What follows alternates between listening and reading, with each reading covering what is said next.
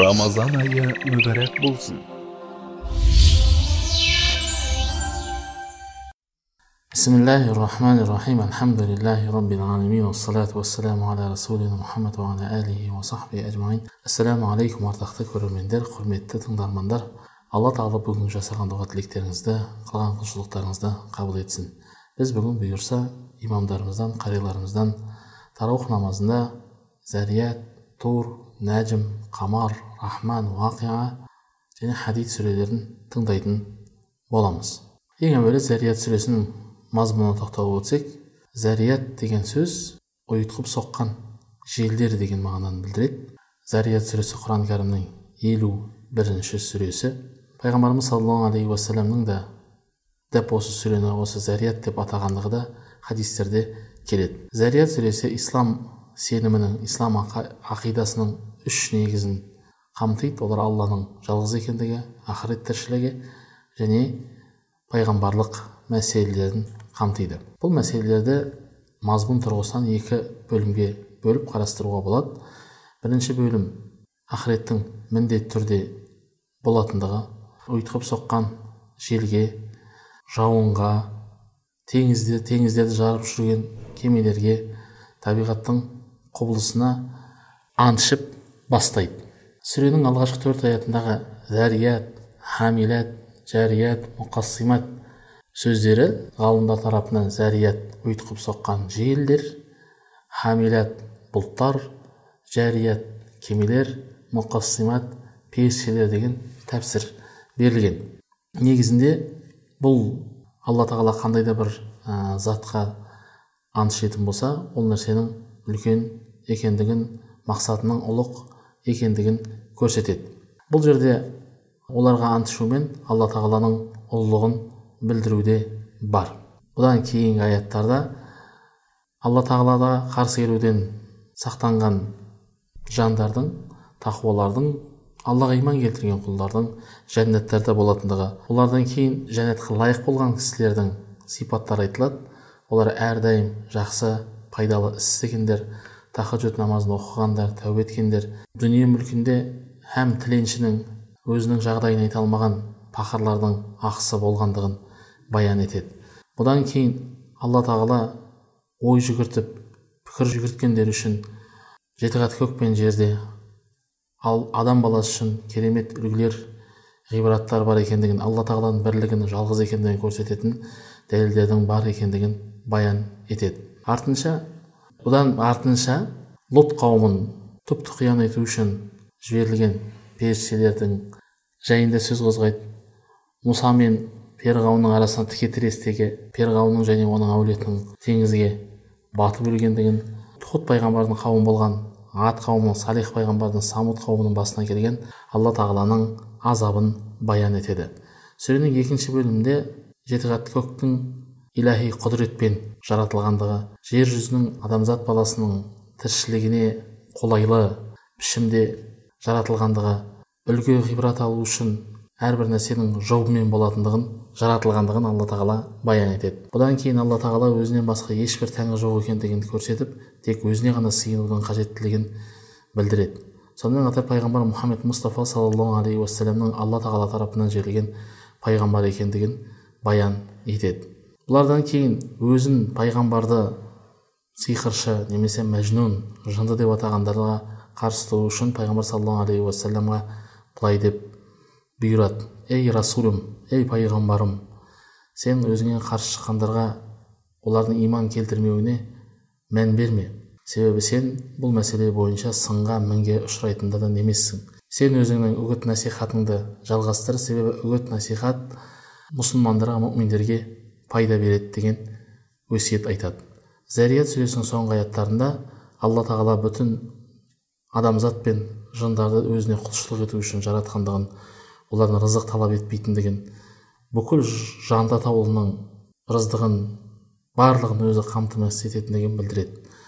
Тәпсіршілеріміз оны елу алтыншы аятта өткен алла тағала өзіме құлшылық ету үшін жараттым дегенде алла тағаланы өзін тануы және оны шариғи тұрғыдан құлшылық ету деп деген мағыналарды білдіреді деп келтірген. Пайғамбар саллаллаху алейхи уассаламның зәрият сүресін кейбір сүрелермен бірге намаздарда оқығандығы баян етіледі. Осылайша зарият сүресіне қысқаша тоқталған болдық. Одан кейін біз тур сүресін қысқаша тоқталып өтетін боламыз. Тур сүресі меккелік кезеңнің екінші жартысында түскен атын бірінші тур тау деген сөзден алған 49 аяттан тұрады. Жалпы тур сүресінің көз жүгірткен оқыған адам ә, мазмұн тұрғысынан екі тараудан құралатындығын байқайды. Бірінші бөлімде тур тауына терілерге жазылған кітапқа бәйтул маамурға жеті қат көк жеті қат көкке теңізге ант ішіледі. Бұдан кейін алла тағала тарапынан болатын азаптың міндетті түрде келетіндігін баян етіледі. Артынша ой жүгіртіп пікір жүгірткен кісі жеті қат көк пен жерде табиғаттың құрылысында өзгерістер болатындығы қиямет жақындағанда олардың жүйесінің өзгеретіндігі иман келтірмегендердің тозаққа айдалатындығы баян етіледі. Ал керісінше аллаға иман келтіріп салих ізге іс жасап тақуа болғандардың алла тағаланың жәннатында болатындығы айтылады. Жәннаттықтардың бір бірімен кездесіп сұхбат жасайтындықтарды баян етіледі. Бұдан кейін екінші бөлімде пайғамбар саллаллаху алейхи уассаламның мүшіріктермен болған текетіресі баян етіледі. Пайғамбар саллаллаху алейхи уассаламға үгіт насихатты үзбеуі қауымының сәуегей жынды шайыр деген әртүрлі айтқан жалаларынан әсерленбеуге шақырады пайғамбар саллаллаху алейхи уассаламды. Олардың жақсылықты емес азғындықты бұзғыншылықты таңдайтындықтары айтылады. Одан кейін олардың құран кәрімді пайғамбар саллаллаху алейхи уассаламның ойдан шығарғандығы ойдан шығарған деп айтқандықтары келтіріледі. Бөлімнің соңында пайғамбар саллаллаху алейхи уассаламға алла тағала ерекше қарата сөйлейді. Мүшіріктердің міндетті түрде әртүрлі алуан түрлі азапқа ұшырайтындықтары баян етіледі. Бұл дүниеде оларды көретіндігі сондай ақ олардың ақыретте де әбәди өмірде көретін қиыншылықтары баян етіледі. Алла тағала пайғамбар саллаллаху алейхи уассаламға тағы да ал өзінің раббысының үкіміне разылық танытуға өзін әрдайым алла тағаланың иләхи қорғаныста жүргендігін баян етеді және күндіз түні алла тағаланы тәсбих және мадақтаудың қажеттілігі айтылады. Кейбір риуаяттарда пайғамбар саллаллаху алейхи уассаламның тур сүресін ақшам намазында оқылғандығы айтылады. Жұбайр ибн мутайм мұсылман болмастан бұрын мәдинаға келген шағында пайғамбар саллаллаху алейхи уассалам осы сүреде оқығанда қатты әсерленгендігі айтылады. Осымен қысқаша тур сүресінің мазмұнына тоқталып өттік. Бұдан кейін біз нәжім сүресін тоқталатын боламыз. Нәжім сүресі құран кәрімнің елу үшінші сүресі. Меккелік кезеңде ихлас сүресінен кейін түскен. Сүре өзінің атауын алғашқы аятта нәжім яғни жұлдыз деген сөзден алынған. Сүренің аят саны алпыс екі. Бұл сүреде ислам ақидасының ислам сенім жүйесінің үш негізгі тірегін қамтиды. Олар пайғамбарлық таухид және ақырет тіршілігі.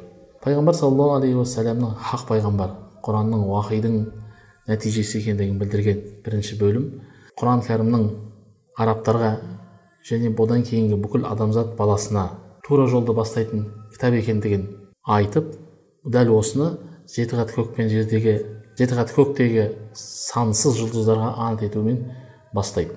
Содан соң пайғамбар саллаллаху алейхи уассаламды сендердің жолдастарың деп пайғамбар саллаллаху алейхи уассаламды айтады. Яғни бұл сөздің былай қолданылуы сол жақындық және бір адамға сенімділік ұялату үшін пайғамбар саллаллаху алейхи уассаламға осылай қарата айтылған сөз болып табылады. Пайғамбар саллаллаху алейхи уассаламның мүшіріктердің айтқанындай емес нағыз тура жолда жүргендігін баян етеді. Сонымен қатар оған түсіп жатқан уақидың жебірейілдің періштенің арқылы болып жатқандығы жебірейіл періште арқылы түсіп жатқандығын баян етеді. Бұдан кейін екінші бөлімде алла тағалаға серік қосу яғни шірк сенімі қолға алынады. Және сол кезде арабтардың мүшіріктердің табынған құттар жайында айтады олар лат ұзза мәнәт кейін бұлардың яғни алла тағаланың серік қосудың бұл пұтқа табынудың ешқандай ақыли тұрғыдан нақыли тұрғыдан ешқандай негізі жоқ екендігін баян етіледі.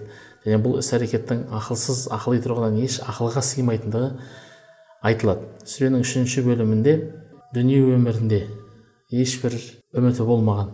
Тек қана өзінің ойы мен жорамалына сүйенгендердің ақыретті жоққа шығаратындығы баян етіледі.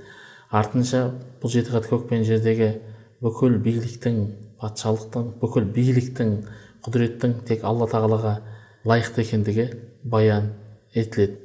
Бұдан кейін алла тағала нұх алейхисаламнан бері жіберген пайғамбарларына жіберген жіберген пайғамбарларына қарсы шыққан қауымдардың басына түскен алуан түрлі азаптарынан қысқаша тоқталып өтеді. Негізінде нәжім сүресінде қозғалған тақырыптар ерекше сөздермен қолданылып ерекше аяттар ерекше мағынаны білдіретін аяттар мен адамдарға ерекше әсер ететін аяттар болып табылады. Пайғамбарымыз саллаллаху алейхи уассалам осы нәжім сүресін оқыған кезде соңғы аятындағы әмір бұйрық келіп түскенде сәжде еткен және өзін тыңдағандарды да сәжде етуге шақырған екен.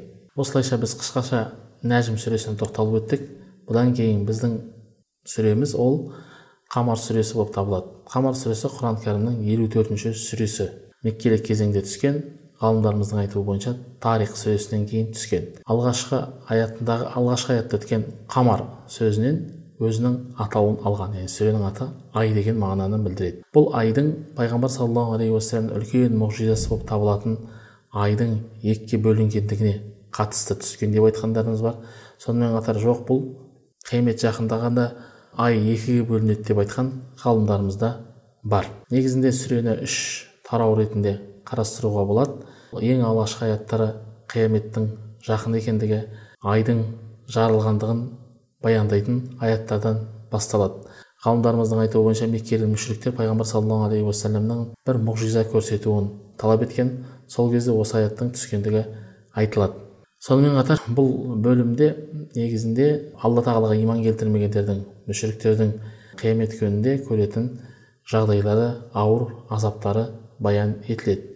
Екінші бөлімде нух ад самут лут және ферғауынның қауымдарының пайғамбарларын жоққа шығарғандықтары баян етіледі және сол жоққа шығарғандардың жазасы ретінде басына көрген ә, қиыншылықтары азаптары айтылады. Сол бұл айтылып жатқан оқиғалардың арасында ант ішейік біз бұл құранды үгіт алсын деп жеңілдеттік. Одан дәріс алатын жоқ па деген секілді сөйлем төрт мәрте қайталанған. Бұл сөйлемдер құран кәрімнің құран кәрім жайында ойланудың құран кәрімнің аяттарына пікір жүгіртудің қажеттілігін білдіреді. Және әрбір мұсылманның құран кәрімді оқыған сәтте дәл солай әрбір аятына ой жүгіртіп ғибрат үлгі алуының қажеттілігін білдіреді. Сүренің үшінші бөлімінде алла тағаланы мойындамай күпірлікке түскендерге қатысты ескертулер қайталанады және өзін жеңілмейміз деп ойлаған небір қоғамдардың небір топтардың небір әулеттердің небір қауымдардың алла тағала қаласа жеңіліске ұшырайтындығы баян етіледі. Осылайша алла тағала өзіне иман келтірген құлдарына жәрдемінің жақын екендігін баян етеді.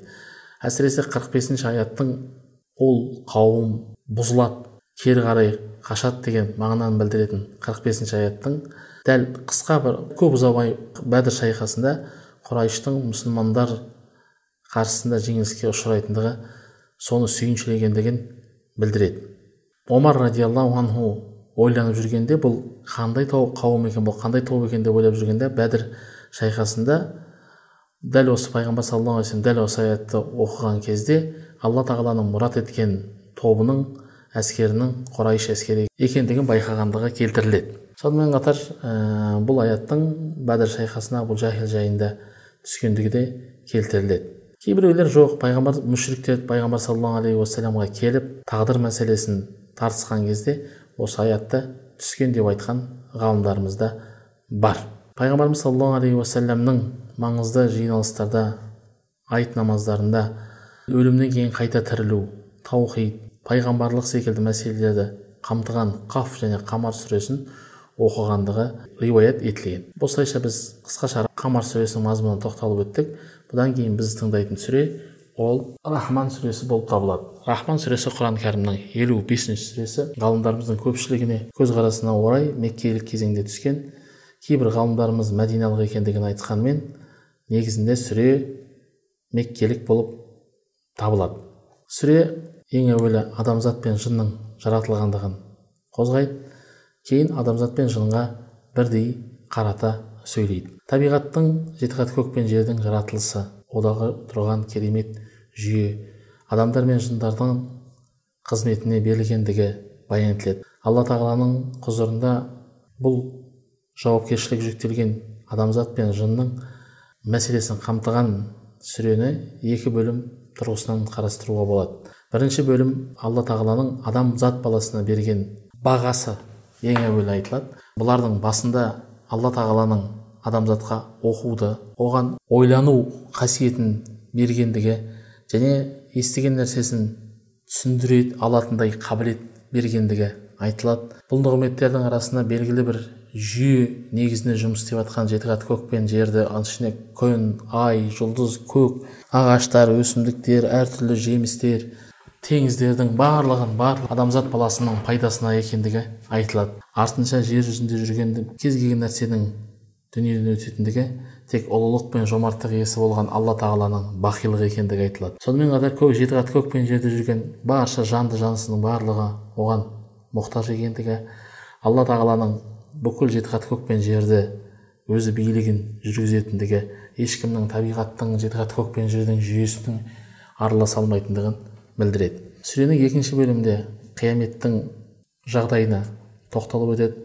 Қияметтегі күпірлікке түскендердің қиын жағдайы айтылады. Бұдан кейін мұминдердің өмір жәннаттағы өмір айтылады. Бұл ә, жәннатты суреттеп жатқан кезде олардың әртүрлі алуан түрлі ағаштар мен жемістердің бұлақтардың жанында болатындығы баян етіледі. Рахман сүресі құран кәрімде рахман деген сөзбен басталған. Рахман дегеніміз аса рахымды деген мағынаны білдіреді. Сонымен қатар дәл осы сүреде алла тағаланың ұлылық жомарт иесі екендігі дәл жәләли уәл икрам деген сипаты айтылады. Мекке меккелік кезеңнің соңына қарай түскен сүре ескертумен қатар адамға ой жүгіртуге шақыратын ерекше жүрегіне оқыған адамға әсер ететін сүрелердің бірі болып табылады. Пайғамбарымыз саллаллаху алейхи уассалам бірде сахабаларына рахман сүресін оқыған сахабалар еш үндемеген пайғамбар бұны көрген пайғамбарымыз саллаллаху алейхи уассалам мен бұл сүрені белгілі бір күнде жындарға оқыған едім олар сендерден қатты әсерленген еді сендер раббыларының нығметтерінің қайсысын жоққа шығарасыңдар деген аятты оқығанымда олар ей раббымыз сенің нығметтеріңнің ешбірісін жоққа шығармаймыз хамд және шүкір саған лайық деп айтқан еді деген пайғамбарымыз саллаллаху алейхи уассалам риуаят етілген тағы мынандай бір риуаят бар рахман сүресін оқыған адам алла алланың берген нығметтерінің шүкірін өтеген кісі болады деген бір риуаятымыз бар өкінішке орай бұл риуаят маузу жалған хадис болып табылады осылайша біз қысқаша рахман сүресіне тоқталып өттік бұдан кейін біз имамдарымыздан қариларымыздан уақиға сүресін тыңдайтын боламыз уақиға сүресі құран кәрімнің елу алтыншы сүресі. 96 аяттан тұрады пайғамбарлықтың бесінші немесе алтыншы жылында түскен ғалымдарымыз осылай пікір білдірген. Сүренің мазмұны тұрғысынан екі тарау ретінде қарастыруға болады.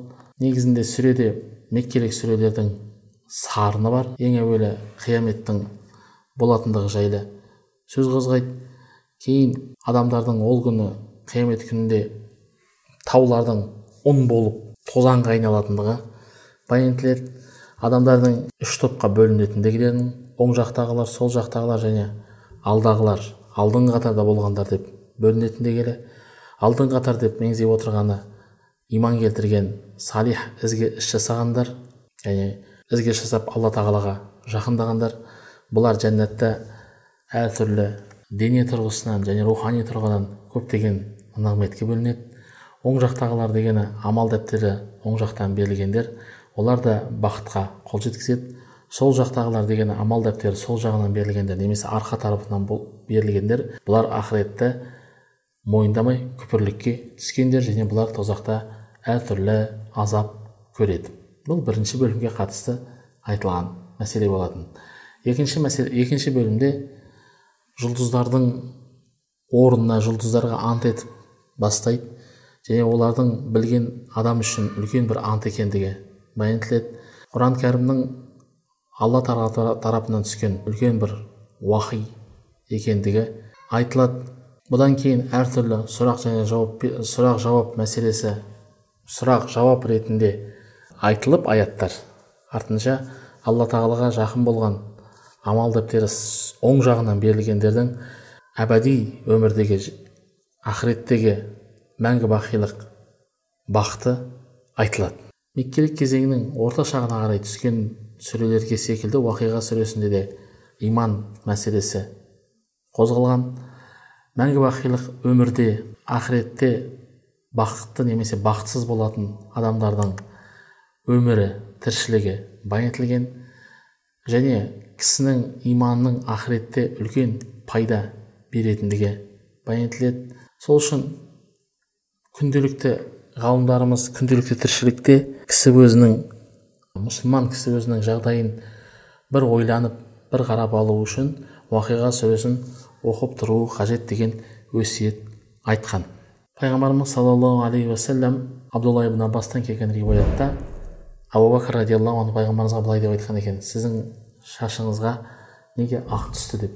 Пайғамбарымыз саллаллаху алейхи уассалам мені худ уақиға мұрсалат әлун және ида шамсу куират сүрелері мені қартайтты деген бір риуаяты бар осылайша біз қысқаша уақиға сүресінің мазмұнына тоқталып өткен болдық бұдан кейін біз имамдарымыздан бұдан кейін біз имамдарымыздан және қариларымыздан хадид сүресін тыңдайтын боламыз хадид сүресі құран кәрімнің елу жетінші сүресі кейбір ғалымдарымыз бұл сүрені меккеде түскен деген ал кейбір ғалымдарымыз сүренің мәдинада түскендігі айтады. Сол осы мәдинада түсі деген көзқарас ғалымдар тұрғысынан дұрыс көзқарас ретінде бағаланған.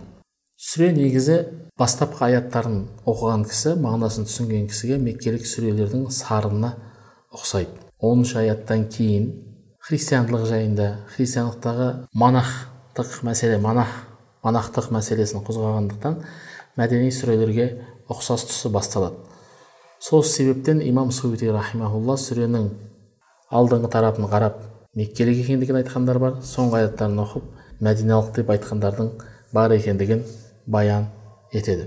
Ибн асакир рахимахулла атақты әйгілі ғалым омар радиаллаху анху қыз қарындасының жанына барған кезде хадис сүресінің алғашқы аяттары жазылған бір қағазды көрген. Аллаға және оның пайғамбарына иман келтіріңіз ішіңізден араларыңыздан иман келтіріп алла жолына инфақ жасағандар қаражат жұмсағандарға үлкен сауап бар деген аятты оқыған, оқыған сәтте иман келтірген дейді. Алайда алюси секілді үлкен ғалымдарымыз омар радиаллаху анхудың ислам дінін қабылдауына себеп болған сүренің таха сүресі екендігін баян етіп бұл риуаятты заиф деп те айтқан. Кейбіреулер жоқ омар радиаллаху анхудың иман келтіруіне себеп болған осы хадид сүресінің алғашқы аяттары деген ғалымдарымыз да бар. Сүреде алланың кейбір сипаттары. Әсіресе алла тағаланың іліміне құдіретіне қатысты дәлелдер. Иман етудің алла тағаланың жолында мал жаратудың дүние мүлік сарп етудің ихсан жасаудың ақыреттегі мұсылмандар мен мүминдердің жағдайы дүние тіршілігінің мәні христиандықтағы монах түсінігі хадид сүресінің негізгі тақырыптары болып табылады. Хадид сүресінің алғашқы бөлімде алла тағаланың ғайыпты көрместі көзге көрінетін немесе көзге көрінбейтін кез келген дүниенің билігінің қолында екендігі құдіретінің ғылымының шексіз екендігі пайғамбар саллаллаху алейхи уассаламға иман келтірудің қажет екендігі мұсылмандарға адамзат баласына берілген мүліктің аманат екендігі сол аманаттың бір опасы ретінде сол аманатты бір шүкірі өтемі ретінде алла тағала жолында мал сарп етудің қажеттілігі айтылады. Екінші бөлімде шынайы иман келтірген еркек пен еркек болсын әйел болсын мүминдердің ақыретте қол жеткізетін табыстары мен сыйларына тоқталып өтеді. Сонымен қатар тек тілімен иман келтірдік деп күмәндің күмәннің жетегінен шыға алмаған мұсылмандардың берекетке ұшырауын күтіп жүрген мұнафықтардың жағдайы баян етеді сонымен қатар алла жолында мал сарп етудің инфақ жасаудың оған алла тағалаға жақсы бір қарыз беру қарыз беру секілді екендігі айтылады. Сонымен қатар үшінші ал сүренің үшінші бөлімінде дүние тіршілігінің фәни екендігі алдамшы екендігі баян етіледі. Кез келген нәрсенің алла тағала тарапынан келгендігі соңында бәрібір алла тағалаға қайтатындығы баян етіледі. Сүренің соңғы бөлімінде мұсылмандардың әділеттікті орната білу үшін адамзат баласына адамзат баласының әділетті орната білуі үшін алла тағала пайғамбарларға кітап жібергендігін айтады. Одан кейін адамдарға әртүрлі пайдасы тиетін темірді бір нығмет екендігін баян етеді. Алла тағаланың дініне және пайғамбарларына қолдау көрсеткен әділеттің орнауы үшін қажыр қайратын аянбаған оған қол жеткізу үшін белгілі бір жетістікке жетудің қажеттілігі айтылады. Кейінгі аяттарда нух алейхисаламның ибраһим алейхисаламның және пайғамбарлардың қауымдарына жіберілгендігі айтылады. Әсіресе айса алейхисаламның оның соңына ерткендердің мейірімді жан екендіктері алайда олармен бірге бір манақтық манақтық деген бір түсінікті ойлап тапқандықтары алайда оның өзін өздері жасай алмайтындықтары баян етеді. Яғни бір бұл істі алла тағала бұйырмаса да өздерінің ойдан шығарып алайда ол істі өздері ұстай алмағандықтарын баян етеді. Сүре мұсылмандардан иләхи әмірлерге мойын ұсынуды талап етеді. Осылай жасаған сәтте мұсылмандар осыны орындаса алла тағала тарапынан оларға қолдаудың жәрдемнің келетіндігі баян етіледі. Хадид сүресі алла тағалаға тәсбих айтумен басталып басталған мәдинеге түскен он сүренің бірі болып табылады. Осылайша біз бүгінгі оқылатын сүрелердің қысқаша мазмұндамасына тоқталып өттік. Алла тағала жасаған құлшылықтарыңызды тілеген дұға тілектеріңізді қабыл етсін. Еліміз аман жұртымыз тыныш болсын.